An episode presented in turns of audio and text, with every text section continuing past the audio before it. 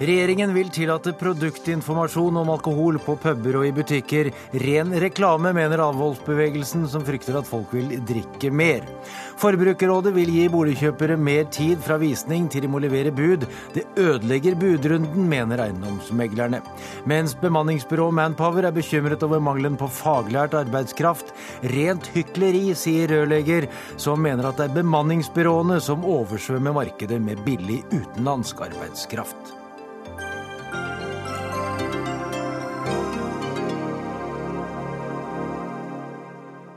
Møtt til Dagsnytt 18. Jeg heter Erik Vold og kan også invitere til grønn debatt om hvem som har klimaansvar, politikerne eller du og jeg. Men vi begynner også denne sendingen med den dramatiske situasjonen i Midtøsten. Flere raketter er skutt ut fra Gaza. Tirsdag begynte de israelske luftangrepene mot området, og siden det er 77 mennesker drept, 500 er såret, og blant de drepte skal det være 18 barn. I natt bombet Israel 322 mål på Gazastripen. Det er ifølge en israelsk militær talsmann. Og i dag tidlig fortalte utenriksmedarbeider og kollega Sissel Wold om nattens angrep. Den har vært uh, ganske slitsom. Uh, klokken 3.30 i morges ble jeg vekket av sjokkbomber. Disse lydbombene som man tror er et angrep, til man skjønner at det bare er uh, vanvittig høy lyd. Og så 4.30 var det en rakett som falt ned i sjøen like ved der jeg bor. Og så var det artilleribeskytning fra sjøen og inn mot land. Og så 5.15 i morges så var det et kraftig angrep et par hundre meter fra dette hotellet hvor journalistene bor. Så det har vært helt umulig å sove. Og Det er jo ikke noe problem for meg, for jeg kan jo reise herfra. Men jeg tenker på den eh, hverdagen som palestinerne her i Gaza lever under. Det er eh, ren tortur i disse dager. Alle blir vekket med jevne mellomrom hele natten. Det var eh, Sissel Wold i dag tidlig. I ettermiddag eh, har eh, FNs sikkerhetsråd sittet samlet til Krisemøte om situasjonen i Midtøsten og USA-korrespondent Gro Holm, du er i New York. Er møtet ferdig? Nei, den åpne delen av møtet er ferdig. Det er den som er eh, kringkastet og som alle kunne sitte og høre på. Men nå er dørene lukket, og det er bare de 15 eh, medlemmene av Sikkerhetsrådet som deltar i den videre debatten. Men eh, Ban Ki-moon og den israelske og den palestinske ambassadøren snakket mens det fortsatt var åpent. og Ban Ki-moon oppfordret innstendig partene til våpenhvile, men det er det altså ingen av partene som ønsker akkurat nå. Verken Israel eller Hamas. Hvordan vil du karakterisere stemningen i Sikkerhetsrådet? Ja, Det kommer jo an på hvilke øyne man ser. Jeg har jo bare sett det utenfra. Men eh, det er jo eh, en følelse av at her, her, tar vi en ny runde. Men det nytter jo ikke eh, så lenge partene bare fortsetter. Og det nytter ikke heller engang å få til en presidentuttalelse, som er på en måte en av de svakeste formene for reaksjon. Ikke engang det klarer en å bli enige om, fordi en ikke klarer å bli enige om ordlyden. Og Israel, verken Israel Israel eller, eller palestineren ønsker en ordlyd som går på at eh, de forpliktes til våpenhvile, f.eks. Så det betyr at uh, Sikkerhetsrådet har ikke særlig stort handlingsrom?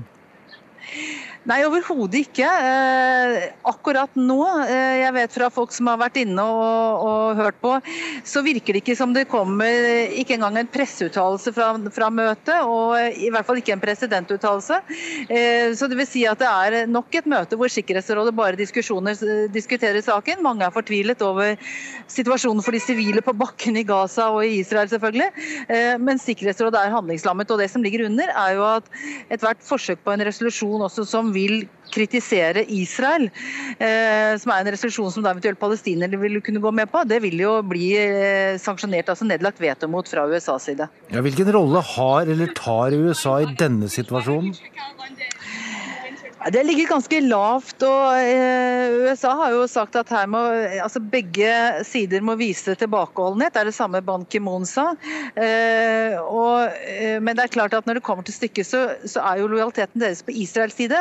Men når det er sagt, så har jo utenriksminister Kerry ikke minst kritisert Israel temmelig åpenlyst også for å ha gått videre med nybygginger både i Øst-Jerusalem og på Vestbredden og sier at så lenge det fortsetter, så er det veldig vanskelig å komme videre med noen fredsforhandlinger. Så man merker en litt hardere tone fra USAs side nå de siste månedene, etter at, eh, etter at den pågående fredsrunden, som jo Kerry var på en måte eh, drivkraften i, utenriksministeren, etter at den strandet i april, så, så har det vært betraktelig irritasjon å spore på amerikansk side.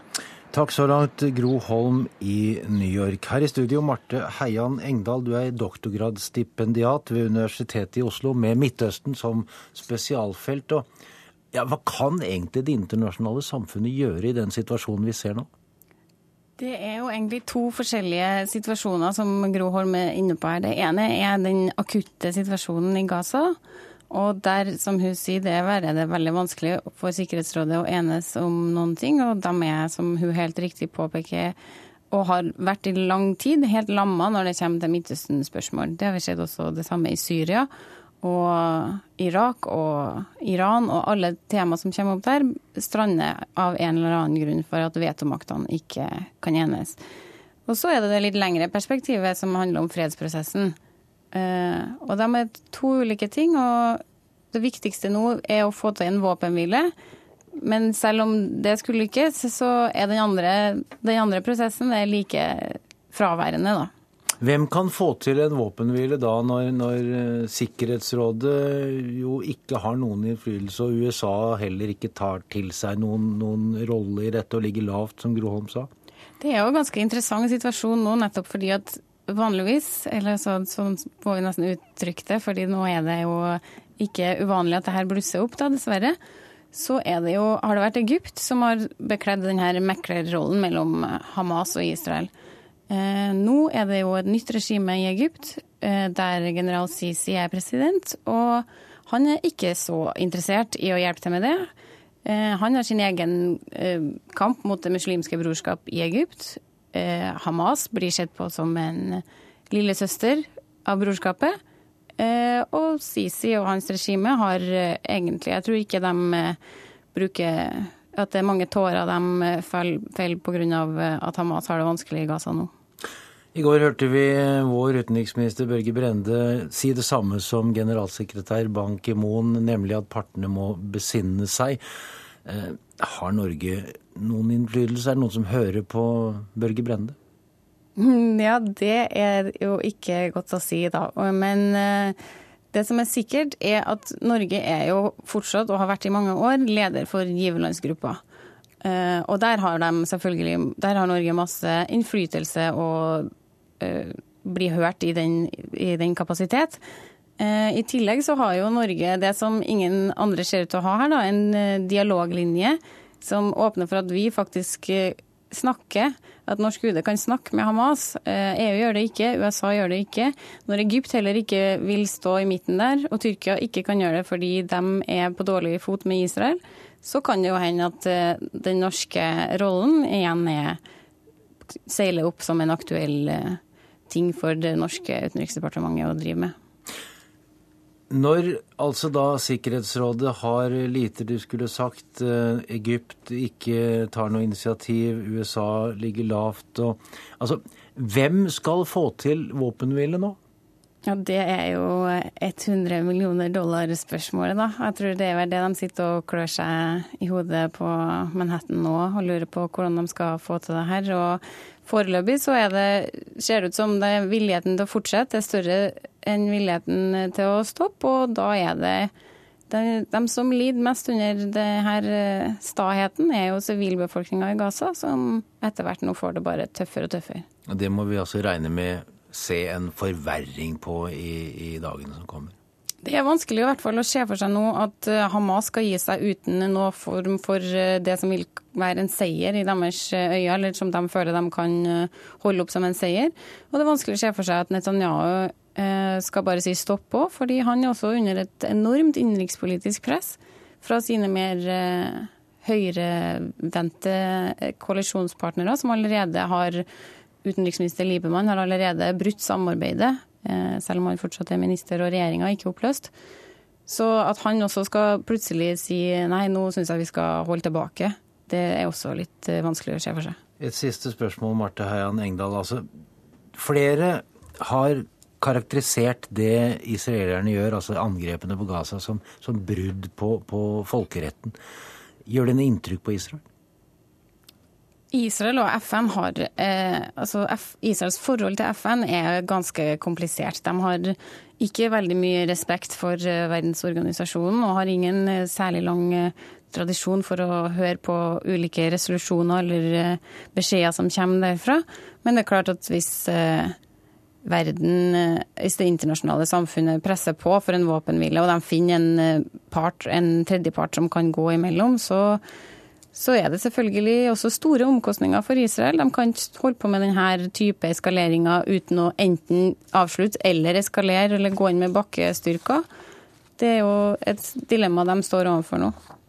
Takk for at du kom til Dagsnytt 18, Marte Heian Engdahl.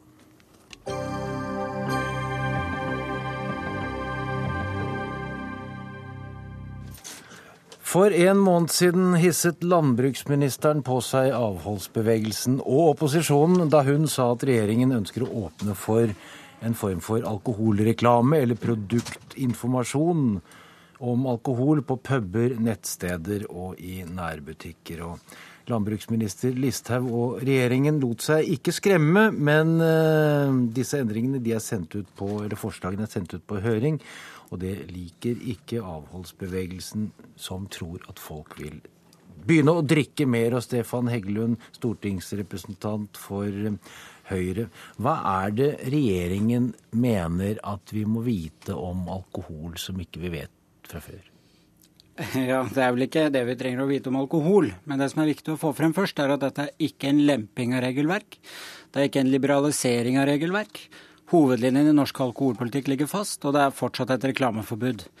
Men det vi gjør, er at vi oppdaterer og justerer regelverket sånn at det er tilpasset dagens situasjon.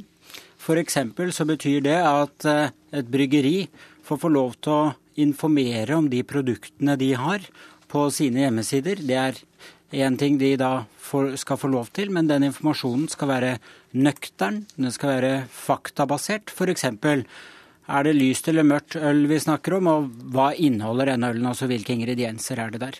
Så det er det vi gjør nå. Og det som er litt viktig også å få frem, er jo at dette skal være på kanaler som forbrukeren aktivt selv må oppsøke. Så det vil ikke være noe alkoholreklame, det er ikke noe liberalisering i forhold til det. Her skal det være informasjon på kanaler som forbrukerne selv oppsøker.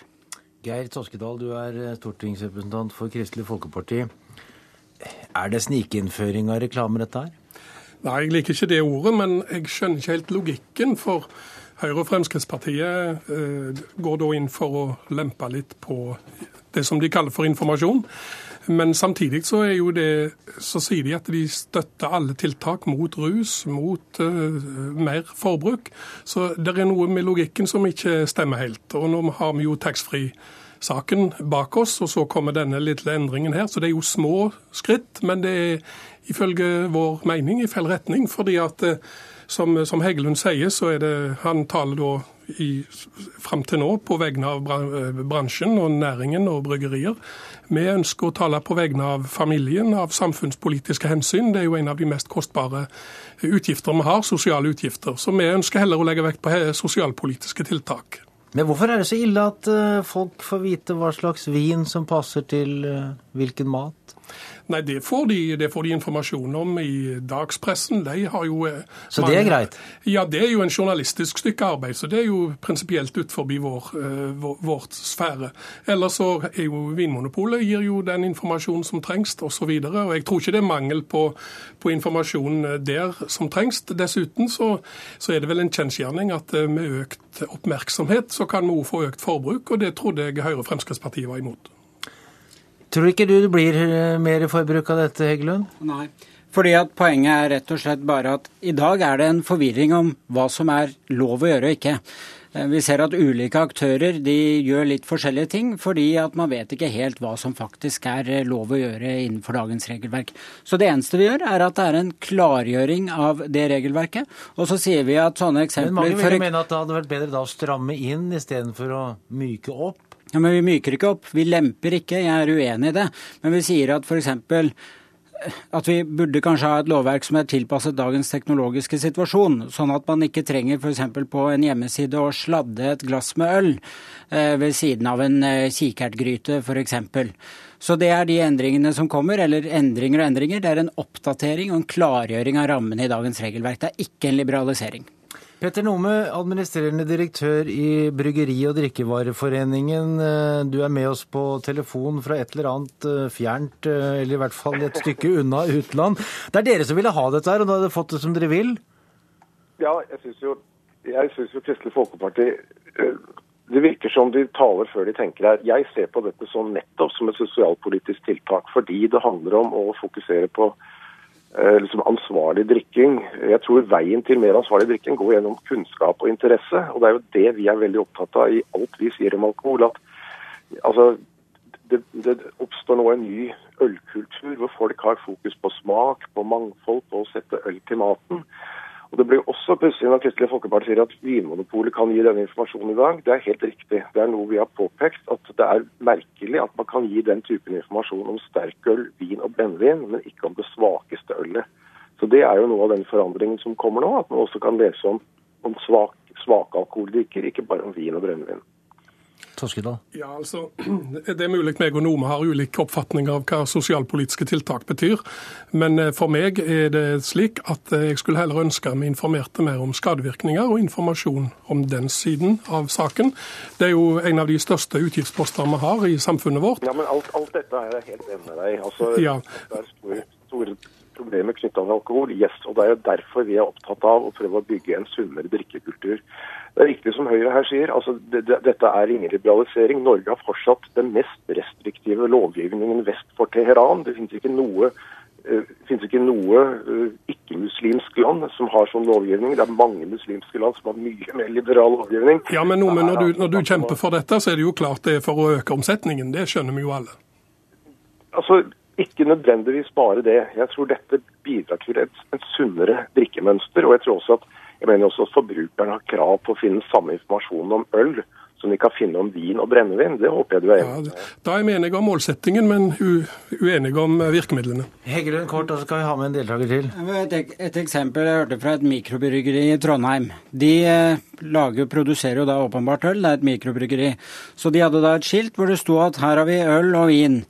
Da fikk de påpakning fordi at de ikke også hadde sprit på den plakaten. Fordi at da fremmet de to alkoholprodukter foran et annet.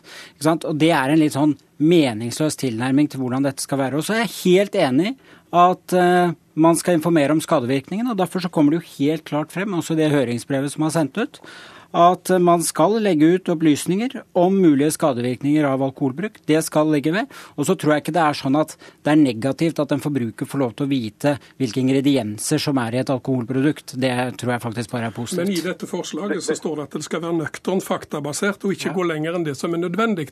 Men det er, jo, det er, jo, mer uklart enn den regelen vi har i dag. Nei, fordi at i dag så ser du at uh, de ulike bryggeriene, så er det full forvirring om hva som er lov og hva som ikke er lov. Det er, de løser dette på helt forskjellige måter.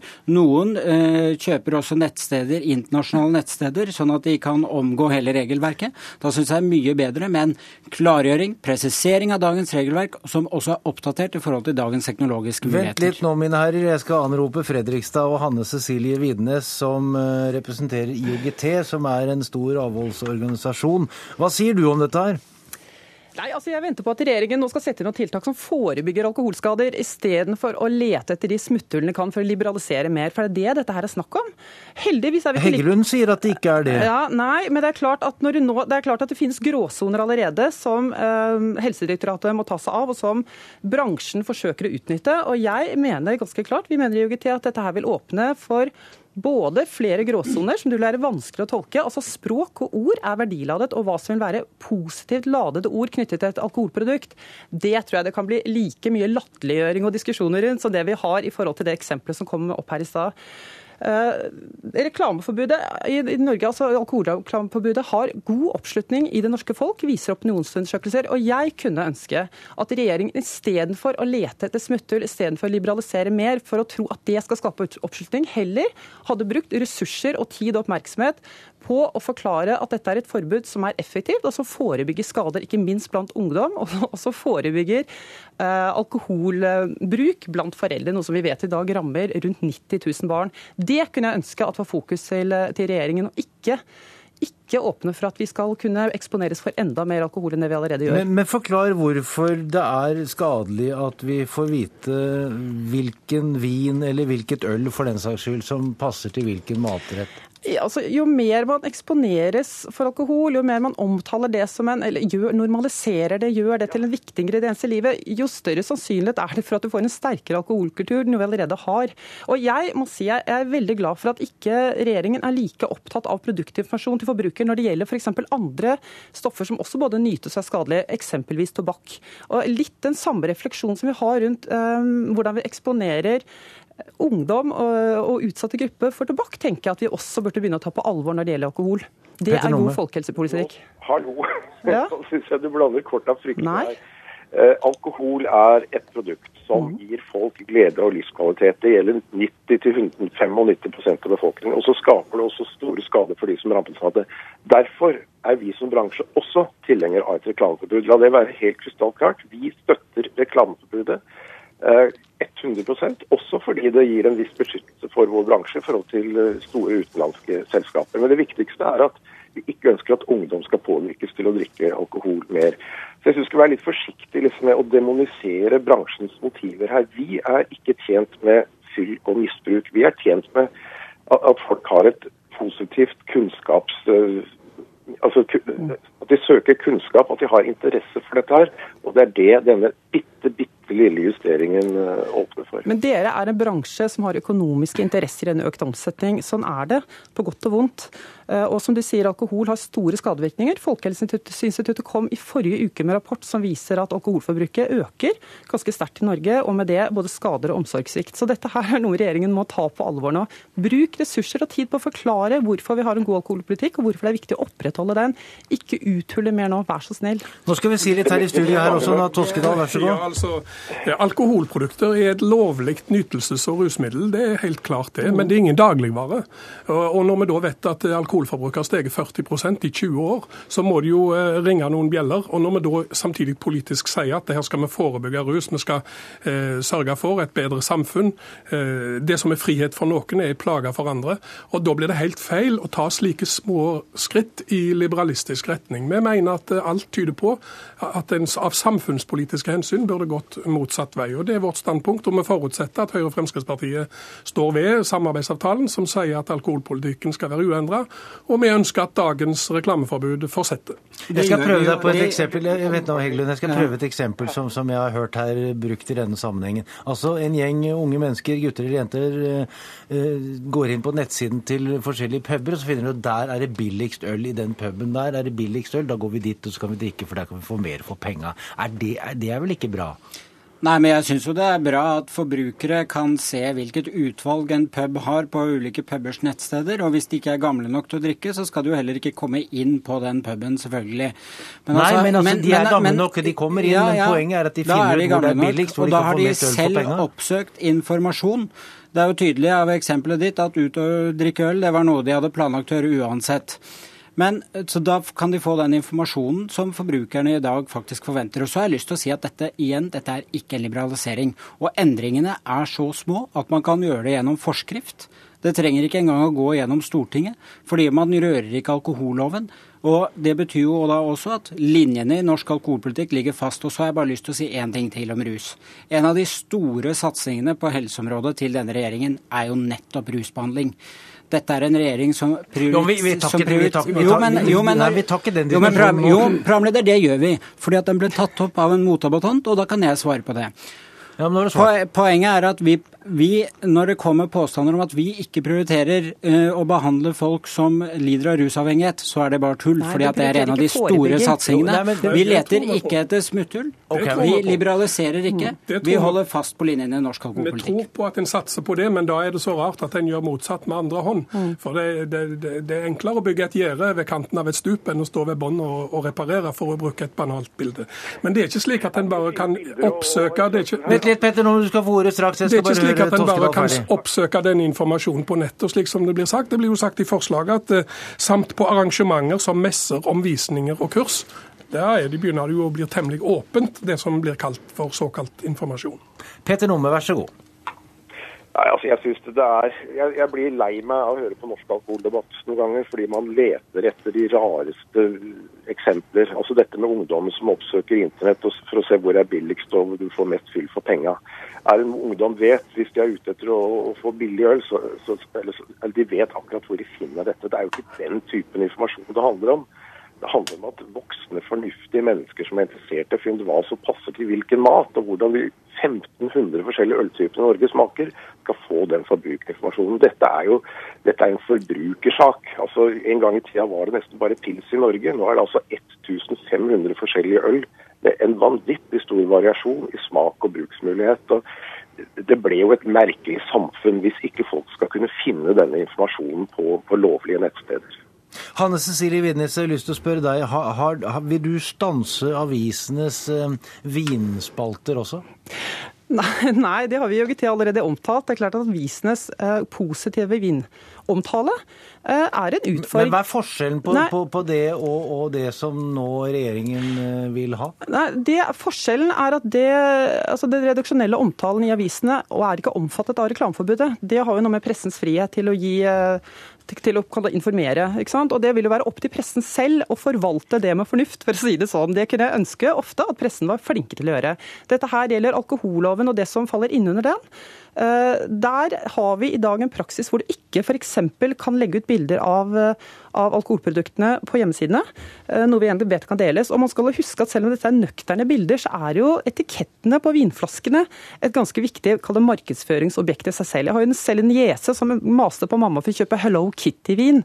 Så det er klart at, at det er jo salgsfremmende objekter i seg selv, så det vil jo være en Kall det, kall det gjerne en liten endring, men en endring som vil bidra til enda mer eksponering og kall det positiv markedsføring av alkoholholdige produkter som ikke er en ordinær vare, på linje med andre lover og produkter. Ti sekunder nå, Nome, for vi nærmer oss slutten av dette innslaget. Nei, Jeg håper og tror at dette kan bidra til en mer positiv eh, drikkekultur. Det synes at dette er ikke en vanlig vare. Jeg skulle ønske at folk så på det mer som en vanlig vare. Det er mange vanlige varer som kan misbrukes. Det er fyrstikker og kniver og det er biler og alt mulig. Folk må lære å bruke alkohol med fornuft, akkurat som alle disse andre tingene. Så jeg tror hvis vi fjerner en del av denne mytologiseringen og det der hemmelighetskremmeri og forbud og formynderi, så tror jeg at folk får et mer normalisert og avslappa forhold til det. Det var lange ti sekunder, og så fem sekunder til hver av de to herrene i studio. Toskedal først. Det er ikke moralisme og det er ikke overformynderi, men det er et samfunnspolitisk standpunkt med helsepolitisk begrunnelse. Heggelund. Helt enig, og derfor legger vi ikke opp til liberalisering. Takk til Peter Nome, Stefan Heggelund, Hanne Cecilie Widnes og Geir Toskedal.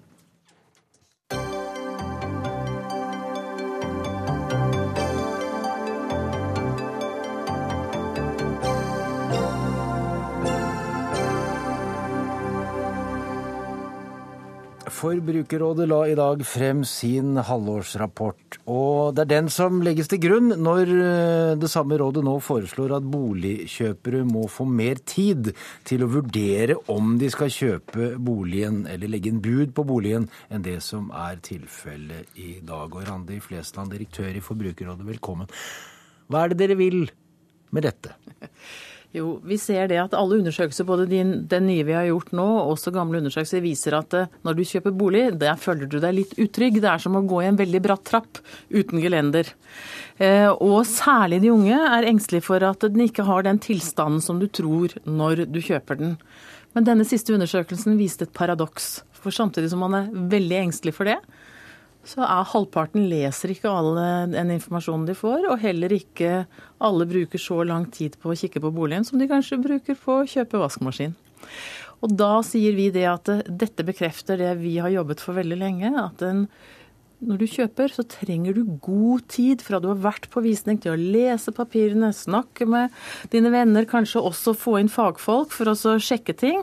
Men sånn som det er nå, hvis du er på visning på en søndag, så på klokka tolv på mandagen så er kanskje hele budrunden over.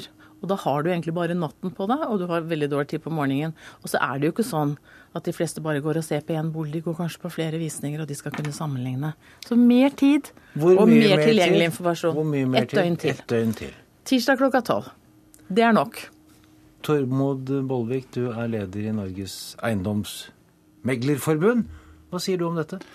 For det første så vil jeg si at jeg har sett en interessant rapport fra Forbrukerrådet i dag, som eh, vi også kommer til å ta med oss i det videre arbeidet. Det viser at boligmarkedet er et krevende sted å være, kanskje spesielt for boligkjøperne.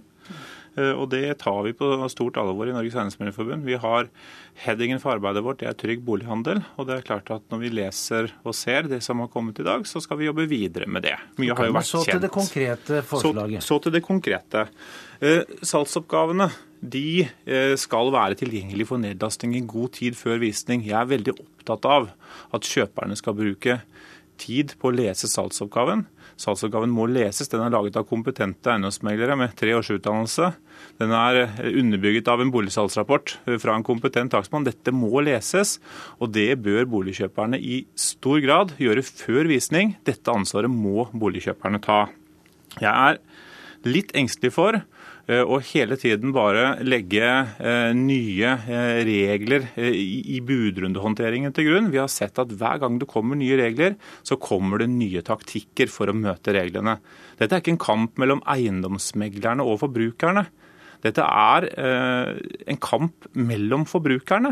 Den ene forbrukeren prøver å bestemme seg fort og vil gjerne bruke forspranget sitt til å sette den andre utover sidelinjen. Og Det vi har sett eh, som en uheldig trend de siste eh, gangene vi har fått reguleringer på budrundene, det er at det oppstår dette med kupping at de går rett på selger. Da er vi bekymret for at istedenfor god tid, eller dårlig tid da, som de får i dag, så får forbrukerne ingen mulighet i det hele tatt, fordi at dette går direkte utenom eiendomsmegler. Lov å kommentere akkurat det, for det har egentlig ikke noe med denne saken å gjøre. Fordi at det, denne kuppingen, at det kommer noen og tar selgeren til side og sier vi bryr oss ikke om megleren, la meg kjøpe direkte, det skjer jo ikke mellom visningen og når det, budene kommer, for da er det jo for seint. Da vet jo faktisk selger hvor mange som har vært på visningen og hvor mange som er interessert. Det skjer jo før visningen. Når selger er bekymret og lurer på kommer det noen på visningen, hvor mange har vært inne og sett på, liksom klikket seg inn på min bolig.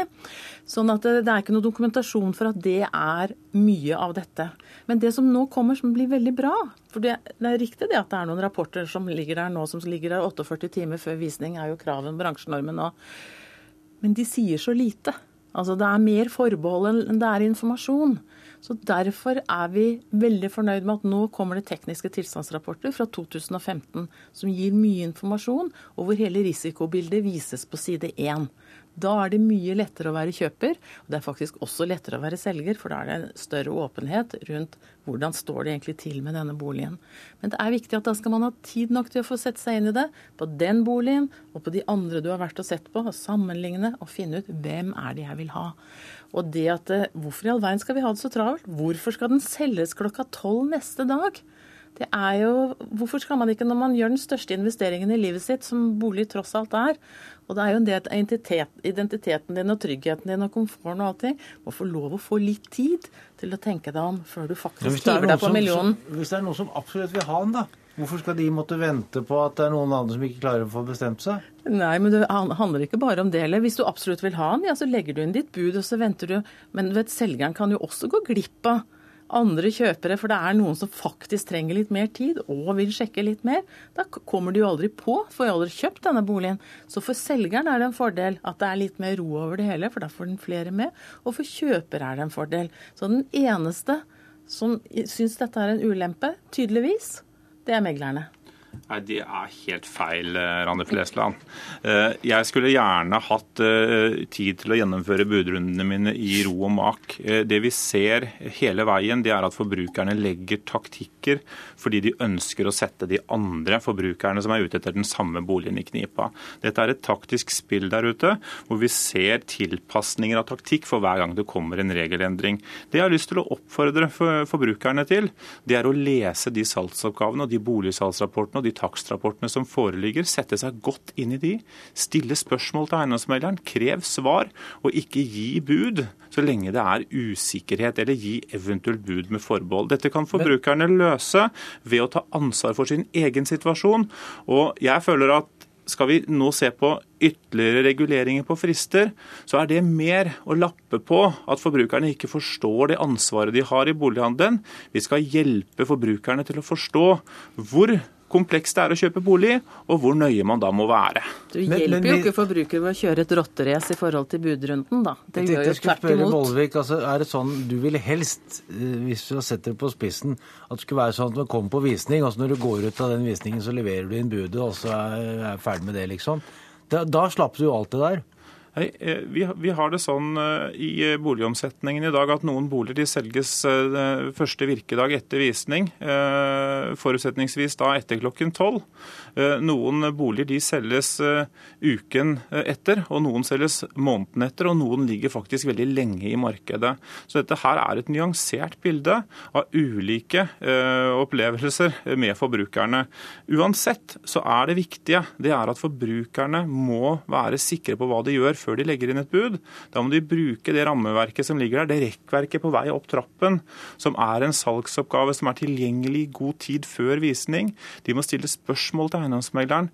De må gjerne ringe takstmannen og stille spørsmål ved de vurderingene han har gjort. Og først når de er sikre på hva de kjøper, så skal de legge inn bud. Da tror, det, da tror, jeg dette markedet gjerne vil regulere seg litt selv.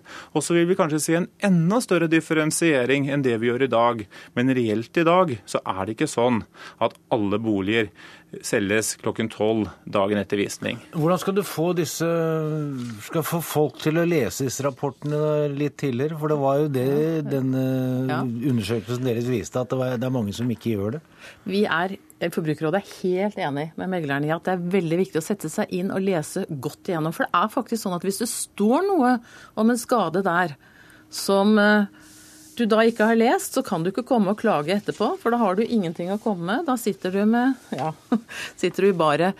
Og det vi ser er jo at dessverre dette her er paradokset med at eh, man ikke leser nok informasjon og kanskje ikke tar seg god nok tid til å spørre, sånn som det blir sagt her, så ender jo 20-25 av kjøp av bruktboliger i konflikt den delen må ned. Så vi er helt enige om at det er veldig viktig at forbruker leser. Da må rapporten være tilgjengelig, ha relevant informasjon og være på en sånn form at forbruker kan forstå hva som står der. Det er det første.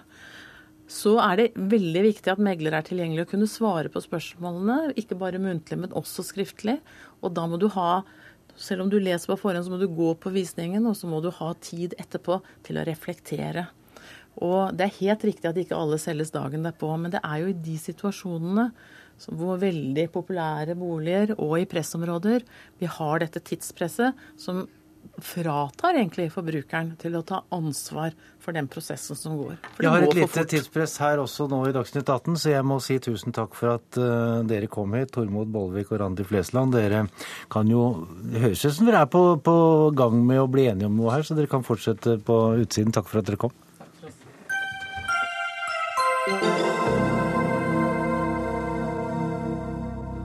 Her strømmer det på med folk inn i Dagsnytt 18-studio. Jeg skal begynne med et sitat. Det er eh, følgende Bemanningsbransjen er den største trusselen mot arbeidsforhold rekruttering til våre respektive fag. Og det er det du, Ole Magnus Røsholm, som skriver i dag. Og ditt respektive fag er rørleggerfaget, og du er styremedlem i Rørleggernes eh, fagforening. Og i dagens utgave av Dagsavisen så snakker du om eh, snakker du om en hyklersk bemanningsbransje. Hva er det du snakker om? Nei, Jeg opplever at uh, bemanningsbransjen ikke tar ansvar for at uh, utenlandsk arbeidskraft får opplæring og oppfølging, slik at de kan utdanne seg til norske fagarbeidere. Og at det å etterlyse i markedet Eh, arbeidskraft, når man aktivt eh, undergraver eh, rekrutteringen ved å sørge for at lønningene til utenlandske arbeidere er lave, og at norske ungdommer ikke ser seg tjent med å ta den utdanningen. Hva skulle bemanningsbransjen gjort i stedet? Jeg skal ønske at de kunne legge til rette for at de av mine kolleger som har utenlandsbakgrunn, får eh, tatt en teoretisk del eh, tilsvarende norsk pensum. At de eh, kan eh, prøves eh, i en praktisk prøvestasjon, og at de så eh, til slutt kan gå opp til en eh, norsk eh, svenneprøve eller fagprøve, da, avhengig av hvilket fag de representerer. Målfrid Bratt, eh, konsernsjef i Manpower Group. Det er vel dere som, eh, som eh, uttalte bekymring over mangel på faglært eh, arbeidskraft? Hykleri, sier Røsvold. Ja, jeg ser han skriver det, og det er helt riktig at vi er bekymret for at vi har for lite faglært arbeidskraft i Norge. Og det er klart at som en stor arbeidsgiver i det norske arbeidsmarkedet, så ser vi det som vår samfunnsplikt å informere enn alle ute i arbeidslivet, også de unge som skal ta utdannelse, hva som etterspørres der ute. Og jeg kunne virkelig ønske at vi hadde hatt flere norske faglærte arbeidskrafter. Og når samtidig vi da snakker her om at eh, vi ikke ønsker altså at vi ansetter fra utlandet, så er det jo helt riktig at det vi gjør, det er at når eh, våre kunder, som det er entreprenørene, spør om arbeidskraft, så etterlyser de både faglært og ufaglært arbeidskraft. Der det er faglært arbeidskraft, så sørger vi for at alle de må ha da et såkalt skandinavisk fagbrev. Det er BNL som har gått ut og stilt krav, som vi også selvfølgelig følger. Så da skal alle som vi eh, leier ut som er faglært arbeidskraft, de skal ha dette på papirene i orden, og det er et skandinavisk fagbrev som gjelder. Eh, når det gjelder ufaglært, så er det jo våre kunder som etterspør ufaglært arbeidskraft også. Og det er jo for hvordan de jobber. Men det er det jo entreprenørene. Vi er jo mer pianisten som, som leverer det våre kunder etterspør. Men, eh, men, vi ønsker jo absolutt å si at faglært arbeidskraft det er noe som trengs, og vi skulle gjerne bidra til at vi fikk enda flere faglærte i det norske arbeidsmarkedet. Røsvold. Ja, jeg, hører jo at hun sier det, og om hennes bedrift sånn sett er representativ for hele bransjen, det, det vet ikke jeg. Men uh, vi opplever i hvert fall at uh, det er mye useriøsitet i bemannings- og innleiemiljøet, og at mange av våre kolleger ikke får den oppfølgingen som de trenger, og at de også blir forskjellsbehandlet på, på brakkeforhold og, og, og lignende. altså sosiale ting. Kunne man stilt, eh, og Burde man stilt eh, strengere krav til bemanningsselskapenes kunder, altså de, de bedriftene som leier inn arbeidskraften? Så sånn sett så er jo eh, innleie er jo regulert gjennom at du må ha tariffavtale i utgangspunktet for å kunne leie inn. Nå brytes jo det regelmessig. Jo, jo. Og, Men vi kan jo la det ligge i dag? Ja, det kan vi. Men det er, er jo sånn at eh, vi må jo forholde oss til realitetene. og det er jo klart at De bedriftene som har tariffavtaler og som leier inn og likebehandler sine arbeidere, de er ikke i utgangspunktet noe problem. Det er alle de useriøse aktørene som, som er et problem. Ja, jeg har lyst til å svare opp det, for vi støtter jo selvfølgelig heller ikke den useriøse delen av bransjen. Men jeg vil jo understreke det at jeg sitter selv som leder av, av bemanningsbransjens, NHOs bemanningsbransje, og, og, styreleder der. Og jeg må jo si at er det én ting vi jobber med som bransje, så er det å sikre seriøsiteten i bransjen, og sikre at det er de aktørene som også våre kunder handler av. Og der har vi et felles ansvar, fordi at seriøsitet skal helle, og det skal være skikkelighet, og det skal være redelighet. Eh, og det at man henter inn utenlandsk arbeidskraft, det er jo rett og slett for vi ikke klarer å finne det i Norge. Og et, et, godt eksempel på den bransjen du selv representerer, vi har jo fått mange spørsmål om vi kan eh, levere rørleggere. Og norske rørleggere er ganske spesielt, faktisk. Det er slik at uh, de, du kan ikke hente en polsk eller en tysk rørlegger, for vi har helt andre regler i Norge. Så vi har rett og slett valgt og sagt at det finner vi ikke. Det klarer vi ikke å finne. For skal vi levere kvalitet, så må vi ha noen som har et, et fagbrev i Norge. Eh, eller i Skandinav Sverige, men, men de er det mangelvare av. Og det er det som underbygger det jeg sier, at vi må virkelig jobbe for å få flere norske ungdommer også til å ta seg en faglært utdanning. Og det er en utfordring når nesten én av tre dropper ut av videregående skole i dag. Så vi må gi status tilbake til eh, de faglærte. Vi må virkelig sørge for at det er populært igjen å ta et håndverkeryrke. Og det har vi alle et ansvar for, og det føler jeg også et ansvar for. Så derfor føler jeg ikke det er hyklerisk å si at dette er noe som etterspørres. Men utfordringene ved å gjøre denne type undersøkelser er jo ikke bare i Norge. Det er jo i alle land. Så når vi gjør en global undersøkelse, så viser det at det er også globalt en mangelvare på faglært arbeidskraft. Men statusen må tilbake til yrket. Vi skal slippe til politikerne som vi har her også, med en Røsholm-kommentar. Ja, altså, det globale det er én ting. Det, det som skjer i Norge, og det jeg opplever som hyklersk, er jo ikke at man uh, sier at det er manko på arbeidskraft. Det vet vi. Det som er hyklersk, er jo at man ikke samtidig anerkjenner at noe av årsaken til det er at man ikke sørger for at utenlandsk arbeidskraft fører eller utdannes med norsk standard, og at de da får både teoretisk og praktisk veiledning, sånn at de kan bli norske fagarbeidere på sikt. Da skal vi slippe til politikerne. Vi har Anette Trettebergstuen fra Arbeiderpartiet, og Stefan Heggelund er kommet inn igjen. Han representerer stadig vekk Høyre. Trettebergstuen først, hva sier du om utspillet til Røsholm?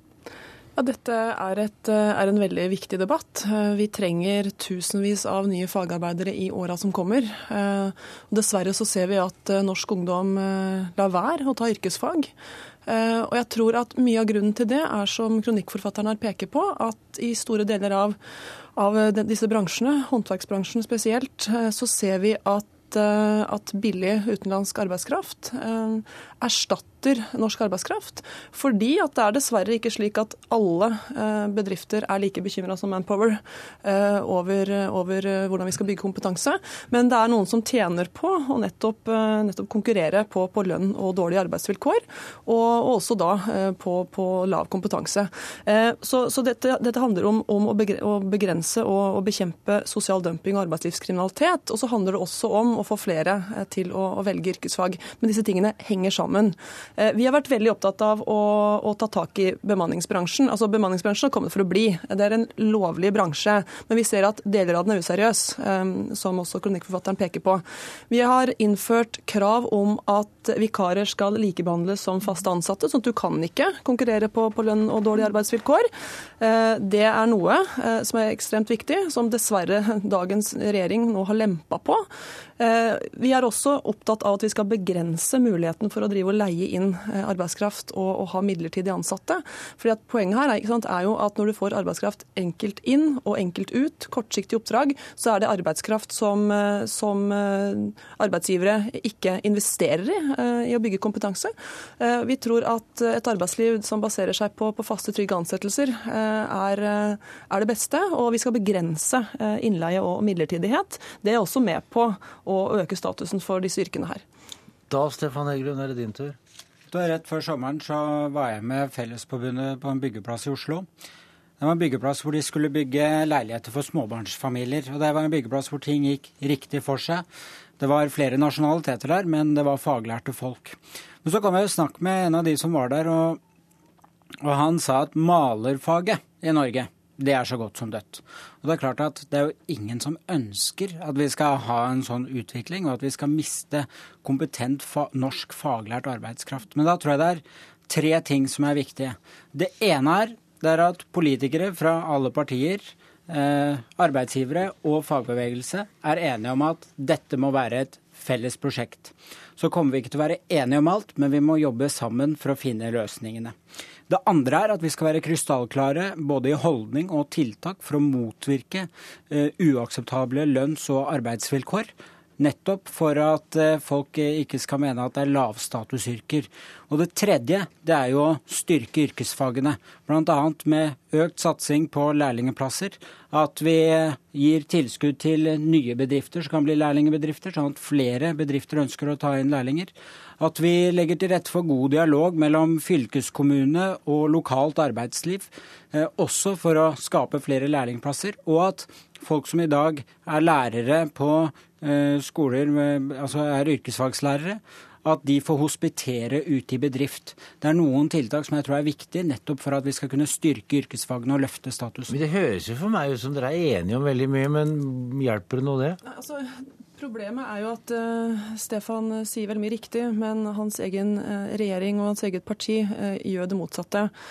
For det regjeringa gjorde her før sommeren, nå i mai, var at de lempa på de likebehandlingsreglene som vi innførte sammen med vikarbyrådirektivet. Så nå vil det igjen bli mulig å underbetale og behandle vikarer annerledes enn fast ansatte. Det betyr at det blir konkurranse på lønns- og arbeidsvilkår, og at det da vil lønne seg å, å drive med innleid arbeidskraft istedenfor å, for å ansette fast. Det mener vi er, er, helt feil retning å gå i.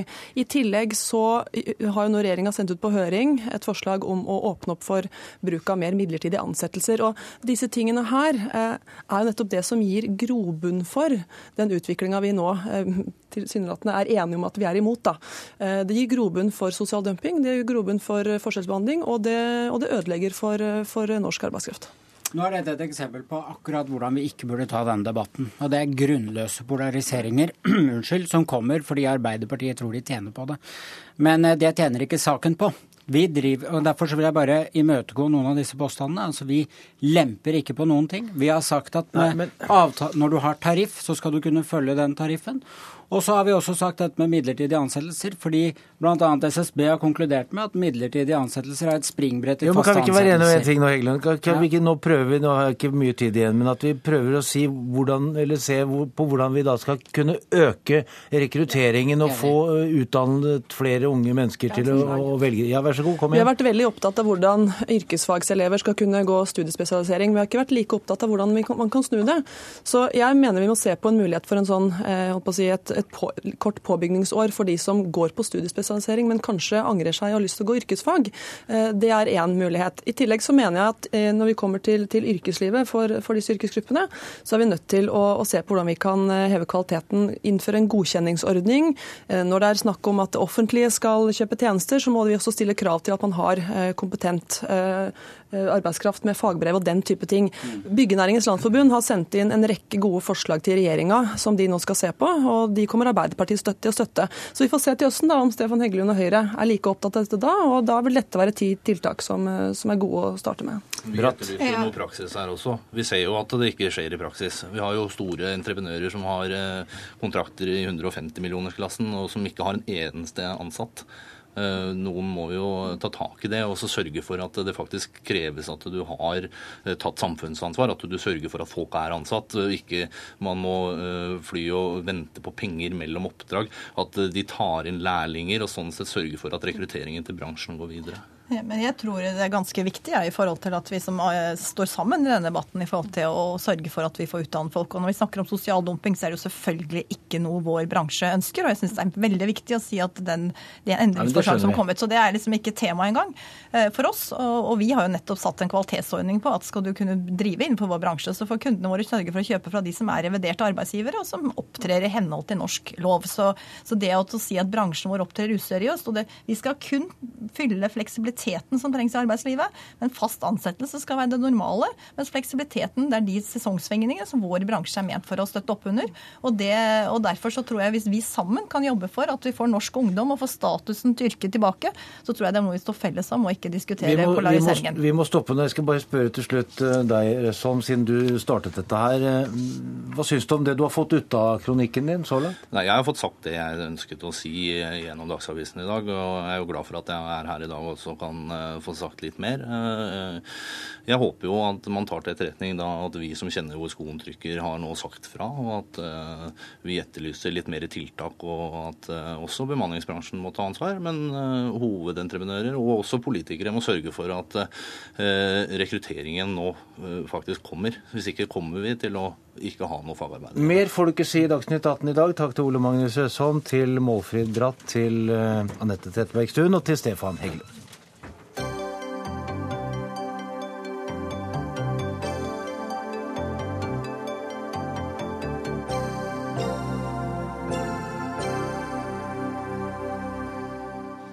Norske forbrukere er i ferd med å miste troen på at de selv kan bidra til å løse klimakrisen.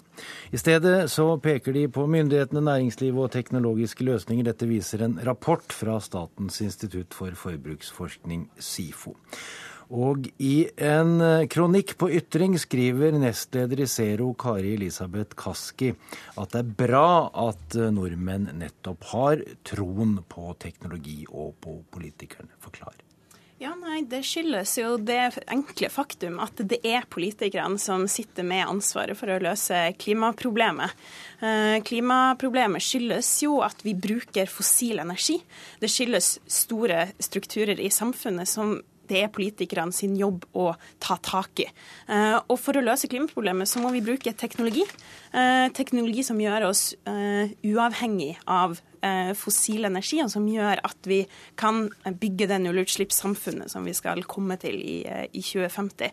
Men Betyr det at hver og en av oss ikke behøver å gjøre noen ting? Jo, hver og, en av oss betyr, mm, hver og en av oss betyr enormt mye. Um, det betyr mye når vi ønsker å ha et hus som produserer energi ved hjelp av solcellepaneler. Det betyr enormt mye når vi velger en elbil fremfor en fossil bil. Uh, for da er vi med på å videreutvikle teknologien, skape markedet for den, som gjør at vi bygger nullutslippssamfunnet. Men de løsningene kommer ikke av seg sjøl. Det må være politikere som legger til rette for at vi kan velge de klimavennlige løsningene, vi som enkeltindivider. Siri Karlsen Belika, blogger i bloggerkollektivet Grønne jenter. Hva sier du? Hvem har ansvaret? Eh, jeg er helt enig med Kari Elisabeth i at eh, politikerne har et veldig stort ansvar, og at næringslivet har et ansvar. Men jeg syns også at vi skal innlemme forbrukerne i den strukturen som vi snakker om. For det er altså, produksjon og forbruk henger sammen, og forbrukerne har også valg hver dag om hva slags løsninger de har lyst til å gjøre når det kommer til klimasaken. Men det monner jo ikke noe særlig, da? Nei, men jeg tror at det er viktig at man eh, har en følelse av ansvar på den måten av at man ikke bare eh, Det er jo mye av det som er problemet med klimaproblemene i dag, at det blir for abstrakt og teknisk for folk flest til å forstå hva det her handler om. Og Der tror jeg at forbruk har en viktig rolle i at man drar det ned på individplan, og at man får folk til å forstå at man kan gjøre litt, og i hvert fall man får eierskap til noen av de tingene som er i det systemet. Jeg tror det er med på å skape nettopp en sånn type avmaktsfølelse hos folk flest, da, hvis du i for stor grad peker på de uten at det skjer noen av de store samfunnsendringene som man trenger å gjøre. For å ta et konkret eksempel. Vi eh, og den norske regjering har bedt eh, folk om å fase ut oljefyren, kaste ut oljefyren fra hjemmet sitt. Samtidig så ser vi at regjeringa ikke følger opp med å kaste ut oljefyren ut fra sine statlige bygg. Det tror jeg er med på å skape en avmaktsfølelse. Det andre eh, poenget er at Siri snakker mye om, om uh, forbruk. Men det man også må se på, er jo nettopp til hvordan teknologien kan være en viktig brikke i folk sitt endra forbruk. At det er ikke bare redusert forbruk. Man skal være forsiktig med å eh, distansere teknologien fra folk flest. For det er nettopp ved hjelp av teknologi at vi kan eh, dra folk med som en løsning på klimaproblemet. Så man må være forsiktig med å romantisere 70-tallets eh, forbruksfokus. Ja, og det er nettopp det jeg føler at denne debatten her har tatt litt feil eh, i og med at man setter teknologi og forbruk opp mot hverandre. Og Det er jo nettopp det som er poenget i, i kronikken min også. at Jeg mener ikke at, at forbruk i seg selv er løsningen på klimaproblemene. Eller at uh, hvis man kutter i kjøtt, så trenger man ikke å, å tenke på oljepolitikken. Jeg, jeg, er helt enig i at uh, det er kjempeviktig med fornybare energikilder. Men jeg tror også at eh, man ikke skal drive og sette forbruk opp. og som om de som snakker om redusert forbruk, henger igjen i 70-tallet og vil tilbake i tid. For det handler ikke om det. Det handler om at det er sånn at forbruket vårt er for stort i dag.